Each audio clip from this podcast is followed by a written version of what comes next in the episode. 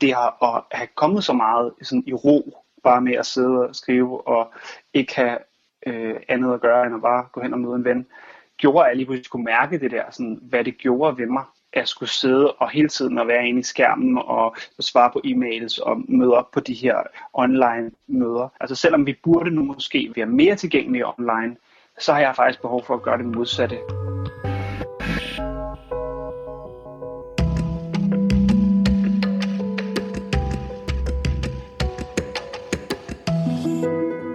Corona har udløst en verdensomspændende krise. Men selvom denne her virus har alvorlige konsekvenser for mange mennesker, så er en krise også en mulighed for udvikling. Selvom kritikere tror, at vi efter krisen vil vende tilbage til den samme livsstil som før med alt, hvad den indebar af stress, forbrug og dårlige vaner, så er jeg nysgerrig på, om de livsstilsændringer, som nedlukningen af samfundet åbnede op for, kan blomstre videre. I denne her podcastserie taler jeg derfor med mennesker, som har brugt corona som anledning til at genoverveje deres liv. Sammen med en række filosofer undersøger jeg, hvordan de har ændret vaner, og om de vil være i stand til at holde fast i dem, når krisen klinger af.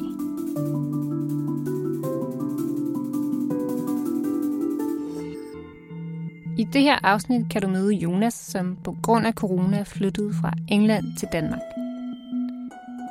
Under nedlukningen oplevede han, at alle omkring ham ville have fat i ham på sociale medier. Derfor tog han en rask beslutning og droppede dem, også selvom det kostede ham kontakten med mange mennesker i en periode. Jeg hedder Nina Brander. Velkommen til podcasten Corona Eksistens.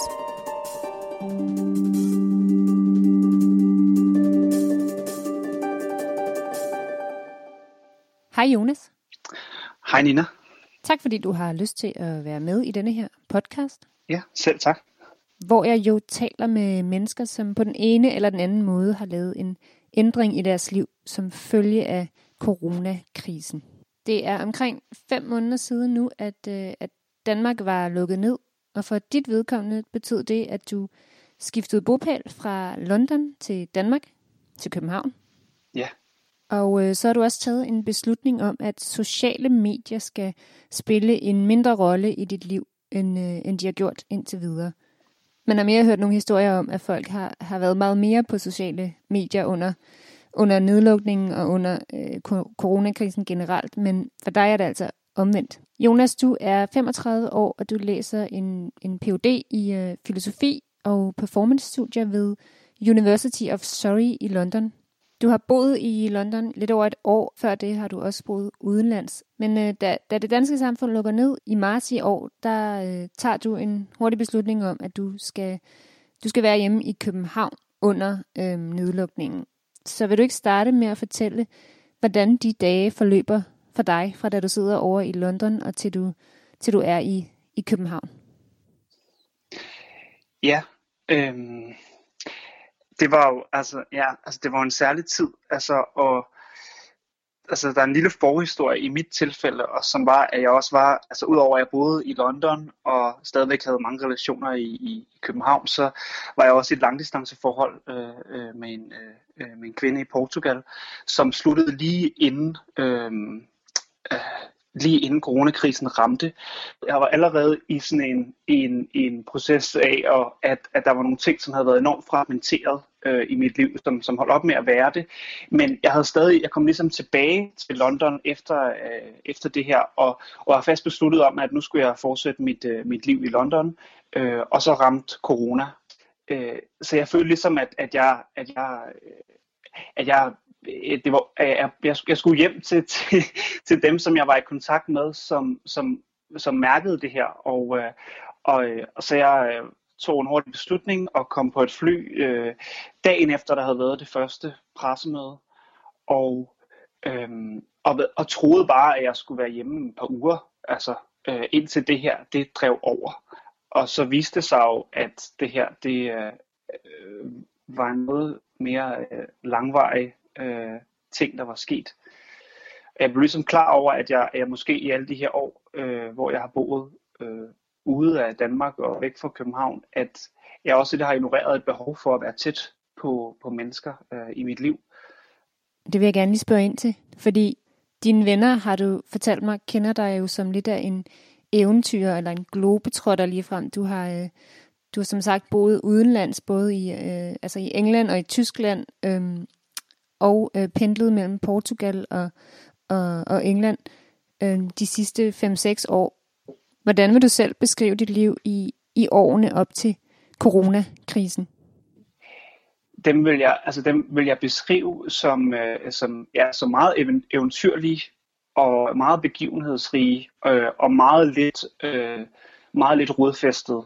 Jeg, jeg, altså jeg drønede bare rundt alle steder, altså og, og havde øh, i virkeligheden meget lidt sådan øh, meget lidt rødder og øh, meget lidt brug på og, og Øh, og det var noget, jeg virkelig kunne mærke, mens jeg begyndte at lave PhD, som i virkeligheden var enormt meget fokus og sådan stabilitet, og det havde jeg bare ikke. Altså, så tingene blev ved med at på en eller anden måde at, og skøjte lidt ud af, altså sådan af, af, af fokus. Øhm, og, øh, og ja, så, så, så, så, så, det var, altså det har været sådan intenst og sjovt og spændende og, og vildt, øh, men, øh, men også, øh, men også øh, ret sådan, øh, ja, i virkeligheden lidt uroligt har det været.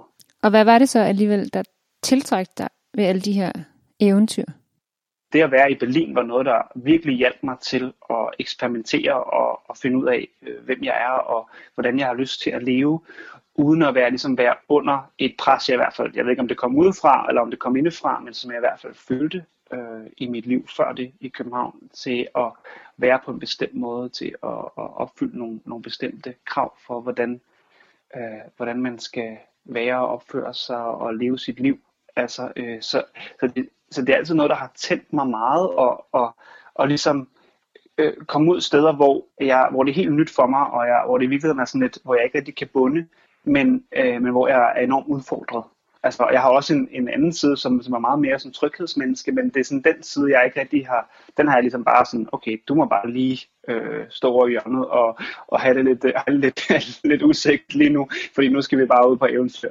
Så, så, hvis, så, så, så et eller andet sted, så er det som om, at jeg, ligesom, jeg betalte med, med trygheden, og med det, altså jeg, altså jeg, jeg, jeg lagde trygheden og det velkendte øh, på hylden, for at kunne øh, få lov til at finde mit eget ståsted.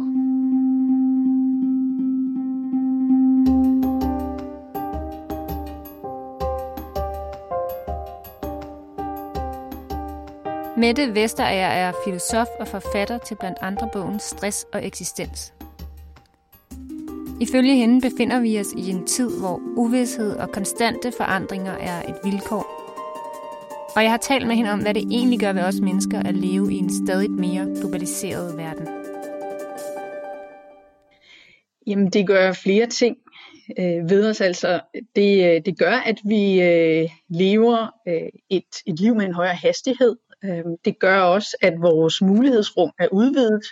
Vi har øh, mulighed for at bosætte os rundt omkring i verden øh, studere og arbejde øh, forskellige steder. Vi har mulighed for at skabe relationer, private relationer alle mulige steder rundt i verden.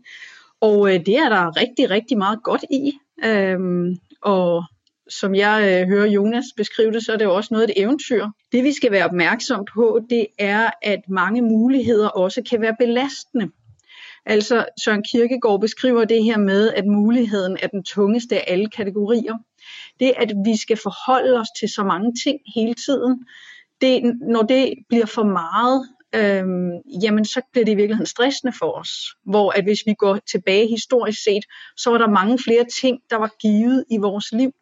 Og det er ikke fordi, at øh, jeg overhovedet vil mene, at det var bedre i gamle dage, om man så må sige.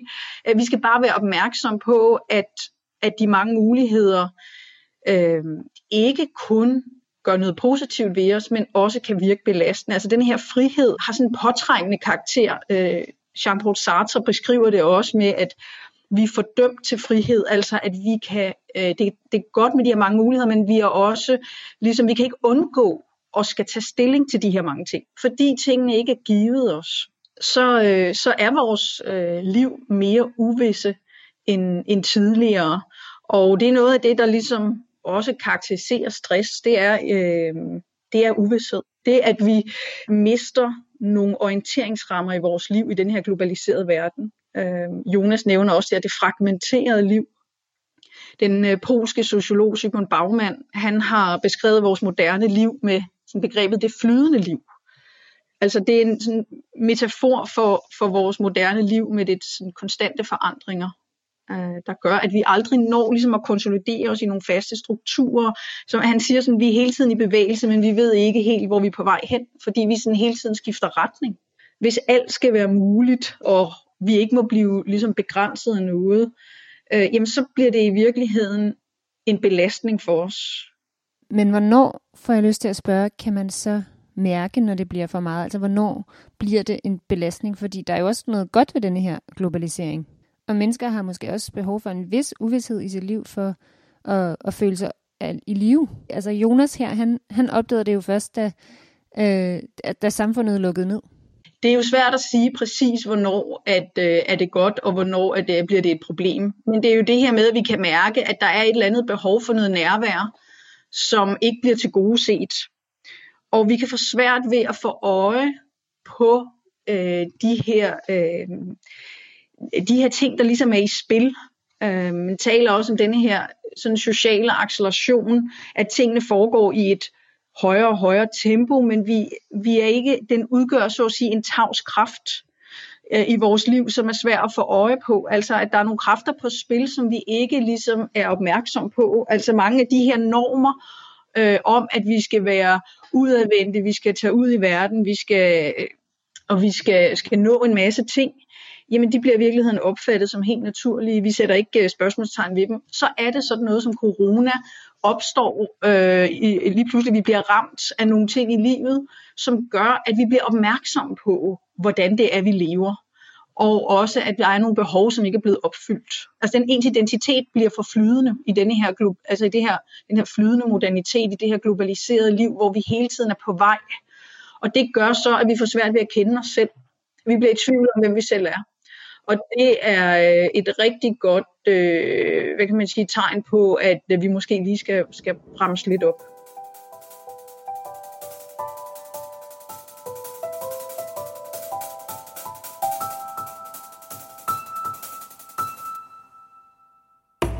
Da Jonas kommer hjem til Danmark, skriver han videre på sin Ph.D.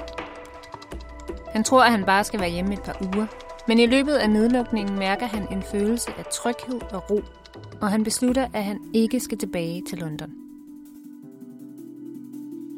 Det, som, som jeg oplevede, det var, at jeg kom hjem til øh, København, og på grund af corona, så var alting jo lukket ned, og, og jeg skulle sidde og skrive på en artikel, og jeg forsømte ikke nogen relationer. Der var ikke nogen steder, jeg skulle være. Øh, og jeg kunne bare sidde og skrive. Sådan, den sådan enkelhed, der lige pludselig var i det, i jeg behøver faktisk ikke andet end tid til at sidde og skrive, og til at, at være sammen med, med mine relationer. Øh, det gav mig sådan en eller anden ro, som jeg ikke har haft meget længe. Og et eller andet sted i løbet af de måneder, øh, så var der en eller anden øh, erkendelse hos mig af, sådan, at det her, det er faktisk virkelig godt for mig. Og måske øh, er det okay at lytte til, at jeg ikke behøver at være tusind steder på én gang. Jeg, jeg må godt bare være her, hvor jeg ved, jeg ved, hvor tingene er. Øh, jeg kender den her by som min egen bukselomme, og, og ja, jeg, der, der, der er ikke hele tiden noget nyt, der skal ske, eller noget nyt, der skal udforskes. Og, og, og det kunne jeg bare mærke, at det, at, at det gjorde mig godt. Men Jonas' nye følelse af enkelhed og ro bliver forstyrret af, at folk nu vil have fat i ham på sociale medier hans phd vejleder hans venner og alle hans relationer rundt omkring i verden. Jeg oplevede det, som jeg også går ud fra mange andre har oplevet, at altså hele ens sådan, online virkelighed øh, blev enormt intensiveret med Zoom-møder og ved, masser af e-mails og altså ligesom alt det, der før foregik i øh, fysiske møder, blev overflyttet øh, online. Og i mit tilfælde også det, at jeg jo øh, har boet andre steder, sådan så jeg netop også har mange andre relationer, både venner og arbejdsrelationer andre steder end i København, at det lige pludselig også begyndte at kime ind. Øh, I starten så prøvede jeg jo bare ligesom at respondere på alt det og indgå i nye grupper med andre phd studerende fra London om, hvordan kan vi søge om forlængelse hos øh, hvad det, de her organisationer, der, øh, der, der udgiver vores, der giver os vores stipendier osv. Øh, og hurtigt kunne jeg bare mærke, at der var sådan et sådan stressniveau, der bare, der bare skød, øh, skød i vejret hos mig.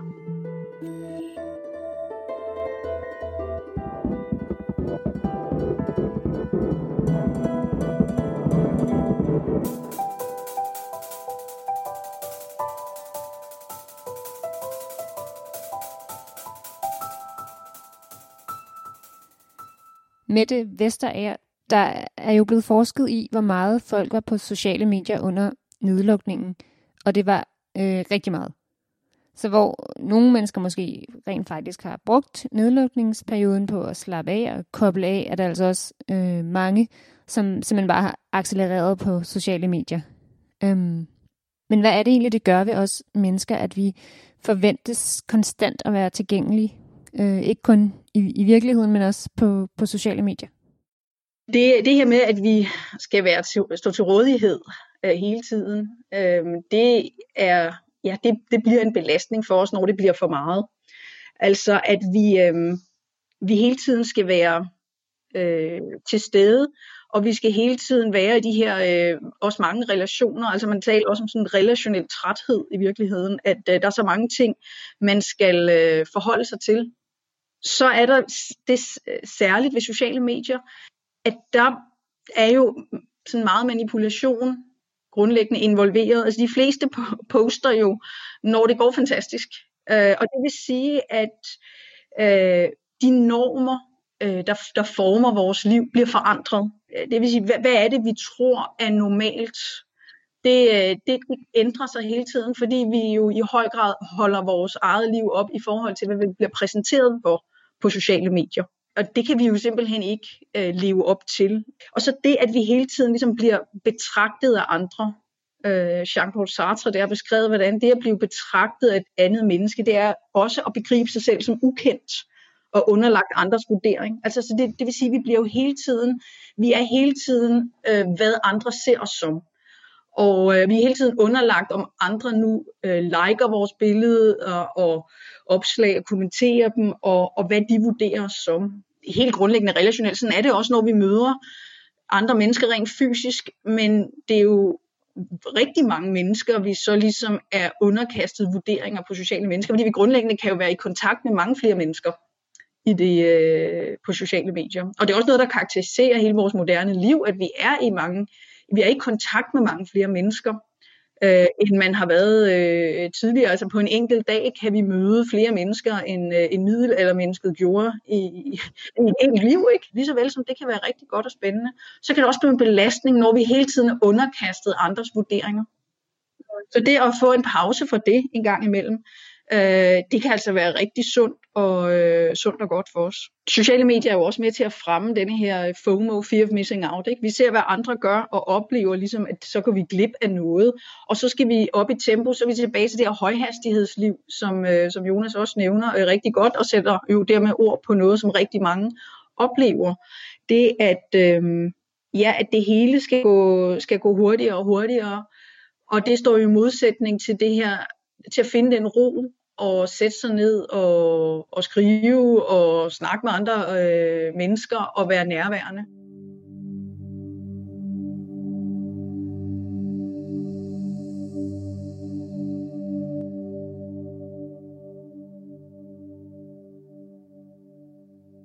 det har at have kommet så meget sådan i ro, bare med at sidde og skrive, og ikke have øh, andet at gøre, end at bare gå hen og møde en ven gjorde, at jeg lige pludselig skulle mærke det der, sådan, hvad det gjorde ved mig, at jeg skulle sidde og hele tiden at være inde i skærmen og svare på e-mails og møde op på de her øh, online møder. Og så var der lige pludselig i, i corona undtagelsestilstanden en form for sådan at øh, tilladelse til ikke at skulle være til rådighed. Og det, og det tillod jeg mig at sige, ja, øh, jeg, jeg skal ikke være tilgængelig på alt det her. Altså selvom vi burde nu måske være mere øh, være mere tilgængelige online, så har jeg faktisk behov for at gøre det modsatte. Mm-hmm. Og hvordan øh, reagerede folk på det? Altså var det både dine øh, altså din, øh, din medstuderende, din phd vejleder og venner, du, øh, du sagde, nu er jeg mindre tilgængelig til? Det var det, altså, og, og jeg er heldig at have en virkelig god vejleder, som, som er meget, altså, meget forstående, altså, og som, som selv lagde op til at sådan, hey, øh, sig til, hvis det, hvad, hvad end du har brug for i den her periode. Det er en mega øh, særlig tid, altså, og det er okay at trække i håndbremser og så videre. Så, altså, så generelt oplevede jeg virkelig sådan forståelse. Så, sige, så er der jo nogle, så er der nogle relationer, hvor jeg altså, hvor jeg ligesom bare forsvandt lidt, og så kunne jeg gå rundt en dårlig samvittighed over det. Men der er også andre, hvor jeg, hvor jeg sagde konkret sådan, her, jeg, jeg, altså, jeg, har det, jeg har behov for at være her, hvor jeg er, og generelt så er det blevet mødt, så blev det mødt med forståelse. Hvad hedder det? Det er jo ikke fordi, jeg ikke savnede øh, andre mennesker i mit liv, som jeg ikke havde kontakt til, men, øh, men jeg kunne lige pludselig forstå, hvorfor nogle mennesker vælger en langt mere simpel eksistens, øh, hvor de har langt færre mennesker at forholde sig til, langt flere forskellige øh, situationer og arbejdsprocesser, og, og ikke hele tiden skifter omkring, og hele tiden har nye indtryk. Altså det, det, det blev meget sådan klart for mig, øh, hvad, altså hvad det kan, og, og hvad det gør for en, altså simpelthen på, altså for ens nervesystem, hvordan, hvordan der er bare noget, der falder til ro, i, at der ikke hele tiden er noget, noget nyt, eller noget, noget der skifter i ens, uh, i ens oplevelse. Og hvad har det gjort så ved, ved de relationer til de, til de få mennesker, du så i den periode? Altså, de, øh, de, er jo, de, er blevet, altså, de er blevet endnu tættere.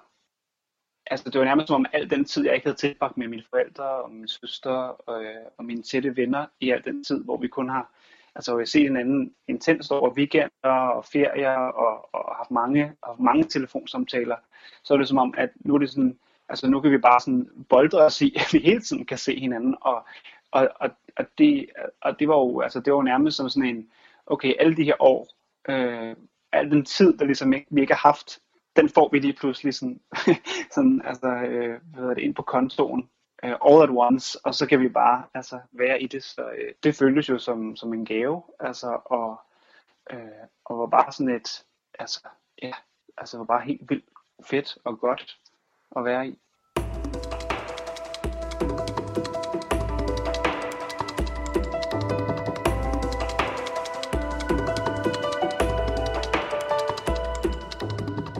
Ifølge Mette Vesterager ligger nøglen til at komme i kontakt med sig selv netop i de dybe relationer til andre mennesker. Men det kan kun lade sig gøre, hvis man finder sammen med nogle ligesindede, så man kan opbygge nogle fællesskaber med. Når vi hele tiden er i denne her bevægelse, og hele tiden skal være i kontakt med og have kortvarige relationer øh, og hurtige skift, så når vi ligesom aldrig at komme i kontakt med de mennesker. Vi når aldrig rigtigt at komme i kontakt med ver- den verden, der omgiver os. Og vi når dermed heller ikke at komme i kontakt med os selv, fordi de to ting hænger utrolig meget sammen. Vi mærker os selv og kommer i kontakt med os selv, når vi, øh, når vi mærker og er til stede i vores omgivelser. Øh, den her tyske øh, sociolog Hartmut Rosa beskriver jo, hvordan resonans ligesom kan være svaret på denne her sociale acceleration og resonans øh, betyder jo genklang. Altså det, at vi mærker, at vi er til stede i en situation, og lad os bevæge af den situation, lad os påvirke af den situation, være åben over for, hvad der, er, der sker, være nysgerrig frem for at have den her sådan instrumentelle tilgang øh, at hvor vi hele tiden ligesom skal bemestre den situation, vi er i. Vi skal hele tiden kontrollere den. Vi skal, når vi mødes med andre mennesker, så, så, så gør vi det, fordi vi skal noget med dem. Vi skal bruge dem til noget. Og der repræsenterer den her resonansteori det modsatte med at være nærværende til stede og, være, og have den ro, der gør, at vi kan være åbne og nysgerrige. Og på den måde får vi skabt en meget dybere forbindelse til resten af verden og til andre mennesker, og i sidste ende også til os selv. Man lever i en globaliseret verden, men selvom man farer rundt i den, er man ikke nødvendigvis særlig forbundet med den, medmindre man oplever denne her øh, resonansfølelse. Så er det nemlig, at man ligesom øh, skøjter rundt, om man så må sige, øh, og aldrig føler sig i, i, i kontakt med, øh, med det, man egentlig laver. Og det er, er, er meget skadeligt for os øh, som mennesker igen det her med globalisering, ja, vi kan tage ud i verden, vi kan rejse om på den anden side af jorden. Hvis vi vil have en naturoplevelse, kan vi tage til Alperne eller ud i en jungle. Men som jeg også siger til folk, jamen du kan også tage ud til det nærmeste træ, eller gå hen til det nærmeste træ, og, og studere det, og finde ud af, hvor meget øh, liv der også er der. der. Der sker utrolig mange ting øh, i det helt nære og i det helt små. Og det er når vi begynder at stille ind på det, at vi mærker den der kontakt med verden og også med os selv. Og det er resonans. Måske lidt ironisk har mange mennesker under denne her krisetid måske øh, oplevet at have mere kontakt til verden, end, end de måske normalt har. Mm, men man kan jo godt blive lidt pessimistisk, fordi samfundet kører jo videre. Der sker jo nok ikke det, at vi får de store øh, strukturelle forandringer lige nu. Så hvordan vil du mene, at, at en som Jonas øh, holder fast i de indsigter, som han har gjort sig?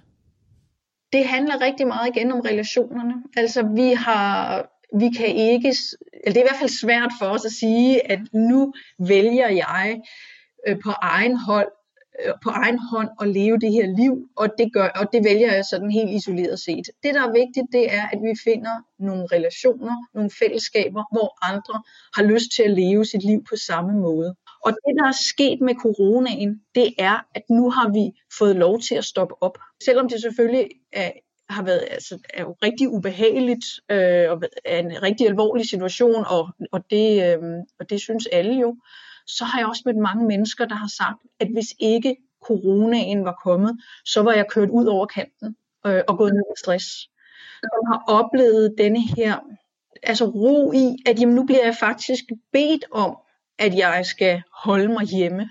Altså, øh, det er jo bare svært uden corona, så er det svært selv at træffe den beslutning, fordi alle andre øh, skynder sig ligesom afsted om morgenen på arbejde, så er det svært at ligesom melde sig ud af det. Altså fordi vi er en del af andre menneskers verden. Vi, vi er forbundet med hinanden. Vi, kan, vi er ikke det der selvberoende menneske, som vi tror, og, og ligesom kan sige, at jeg træffer bare mine, andre, mine egne beslutninger. Øh, Øh, det gør vi sådan set ikke. Vi er påvirket af, hvad andre mennesker gør. Det samfund, som vi er en del af, det former os helt grundlæggende. Derfor er det så svært selv at stoppe op. Fordi det er sådan, at hvis ikke vi oplever det som en mulighed, så har vi også en tendens til at over, øh, overhøre vores behov.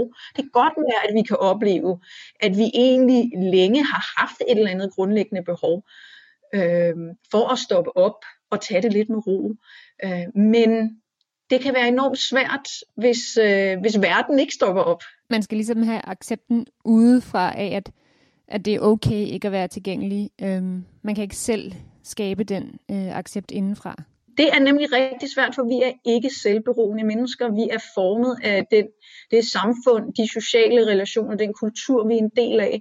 Og der har vi jo haft, øh, og har jo stadigvæk, en kultur, hvor det handler om at være øh, Øh, være på, være udadvendt, være aktiv, proaktiv. Vi skal gribe mulighederne, ikke? Og, og, det, øh, og det kan være svært at, at stoppe op med det. Så er der nogle modnormer, der er nogle modkulturer, der, øh, der er rundt omkring i samfundet, men det er ikke sådan mainstream. Der er det, at vi skal være i gang.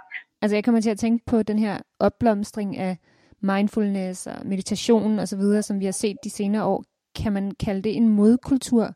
Og så måske samtidig også sige, at det er en, en modkultur, som er blevet opslugt af den gængse kultur, fordi vi lige passer yogatimen ind mellem øh, endt arbejdstid og afhentning af børn. Det, der bliver et problem, det er, når det bliver brugt instrumentelt. Altså vi skal bruge det for, at vi kan præstere endnu mere, og at vi kan køre i et endnu højere tempo, når vi så ikke sidder og mediterer. Og der bliver det et problem, fordi det gør så i virkeligheden, at vi bliver fastholdt i nogle uhensigtsmæssige øh, strukturer, øh, uhensigtsmæssige måder at leve på, og egentlig ikke får gjort op med de grundlæggende problemer. Og derfor er jeg også kritisk over for, at man for, øh, for stressramte for eksempel siger sådan, jamen du skal meditere dig ud af det. Hvis, hvis, det, hvis man ikke ligesom også skaber refleksionen om, hvad er det for et liv, øh, som vi lever, hvordan er øh, vores liv formet af de her strukturer, jamen så bliver det noget instrumentelt. Så derfor så, så skal man være meget opmærksom på, at øh, ikke at isolere denne her brug af, af, af meditation og yoga, men integrere det i en menneskeforståelse.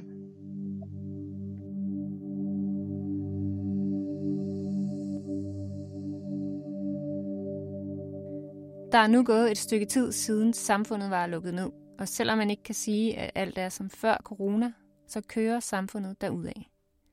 Jeg spurgte Jonas, om han har kunne holde fast i beslutningen om ikke at være konstant tilgængelig på sociale medier. Det begynder ligesom at, at, at tage lidt til igen, øh, men, men det har slet ikke den samme intensitet som før for mig. Så jeg mærker ligesom, at der er nogle ting, der begynder at tage til, og jeg skal, og jeg skal holde fast i, at øh, jeg vil faktisk gerne være her, hvor jeg er, og, og, sådan, og primært have de relationer, som, som er omkring mig, men så alligevel også give plads til at, sådan, at, at holde fast i alt det, jeg har andre steder, hvor jeg jo netop er afhængig af, øh, af, at bruge, uh, bruge sociale medier osv. Så, videre. så, så jeg, lige der var jeg nu, så, så er det lidt sådan at, altså, at finde en balancegang i det. Så har du så besluttet, at du skal bo i, i Danmark, i hvert fald indtil videre, men Øhm, hvor, er, hvor er eventyren Jonas henne i det? Hvor er han? Står han over i skammekrogen, eller, eller er han blevet integreret? ja, altså jeg skal være ærlig og sige, at det faktisk, at, at nu føles det at, at, at flytte hjem øh, og, og finde ud af at etablere en tilværelse øh, i København, det, det føles som et eventyr. Det er også som om, jeg har været, jeg har været væk længe nok til her, hele, den, hele sådan den, det behov, jeg havde for at definere mig selv anderledes. Øh, og at, at det, det behøver jeg ikke helt på samme måde længere. Altså der er ligesom noget, der er faldet på plads for mig, hvor at jeg godt kan komme tilbage og sige, nej, jamen jeg, jeg er som jeg er, og jeg lever som jeg gør. Øh, og det kan jeg også godt gøre her. Vil du generelt sige, at denne her krise, hvor, øhm, hvor folk for nogens vedkommende ikke har gået på arbejde, eller eller simpelthen bare har levet et langsommere tempo, øhm, har skabt en større accept af, at, at ikke alle gør ting på samme måde? Ja, der, der er nok i virkeligheden et eller andet, altså der var et eller andet under coronakrisen, som, som sådan blev, blev, blev sådan løsnet lidt i sin, i sin altså sådan, hvordan det var festnet, som man kan sige det. Ja, så jeg tænker lidt, at, at det, du, det du siger der med, at, at der er, at altså, der er der en, en større accept af, af forskellighed, og af at, øh, at, at vi alle sammen prøver på at finde vores måde at, at, være, at være sammen på. Den, den, den, den er lige pludselig, øh, ja, den er lige pludselig mere øh, håndgribelig, øh, mere, mere ude i det åbne. Øh, så, så det er lidt som om, at den, sådan, de der gængse former, som jeg starter med at, at beskrive, som, som, som jeg følte mig låst af og øh, har brug for at fjerne mig fra, ja, de, de er ikke, altså, øh, de er ikke så, øh, så fasttømrede øh, længere. Spørgsmålet er, om vi kan holde fast i den spire, som er blevet sået. Ja, ja, og det, ja, og det, er, øh, det, er, det er et godt spørgsmål, altså om vi kan det. Jeg kan jo også godt allerede mærke det nu, altså nu begynder det ligesom sådan, at øh, invitationen til at tage det ene sted hen og tage det andet sted hen væk fra Danmark, begynder ligesom at rulle ind på i kalenderen. Og, altså, så, så der kommer, der kommer virkelig et arbejde i at, at navigere i det for mig, i forhold til, at, øh, at jeg jo gerne vil stadigvæk vil øh, kunne fastholde altså, altså det internationale liv, jeg har før, men på en måde, som ikke er så destabiliserende for mig, som, som, jeg, som jeg jo fandt ud af øh, gennem coronakrisen, at, at det har været. Øh, så, så hvordan kan jeg balancere det, altså det at, at ligesom have rødder, være, og være mere sådan, øh, hvad hedder det, øh, øh, fast plantet øh, derhjemme, og, og så stadigvæk også kunne ligesom have mine, have mine øjne og ører vendt udad øh, mod verden. Nu har du i hvert fald fået en mulighed for at prøve at afbalancere de her to Jonas'er, som, øh, som du har inde i dig. Det har været spændende at høre din historie. Tusind tak, fordi du vil være med. Jamen selv tak.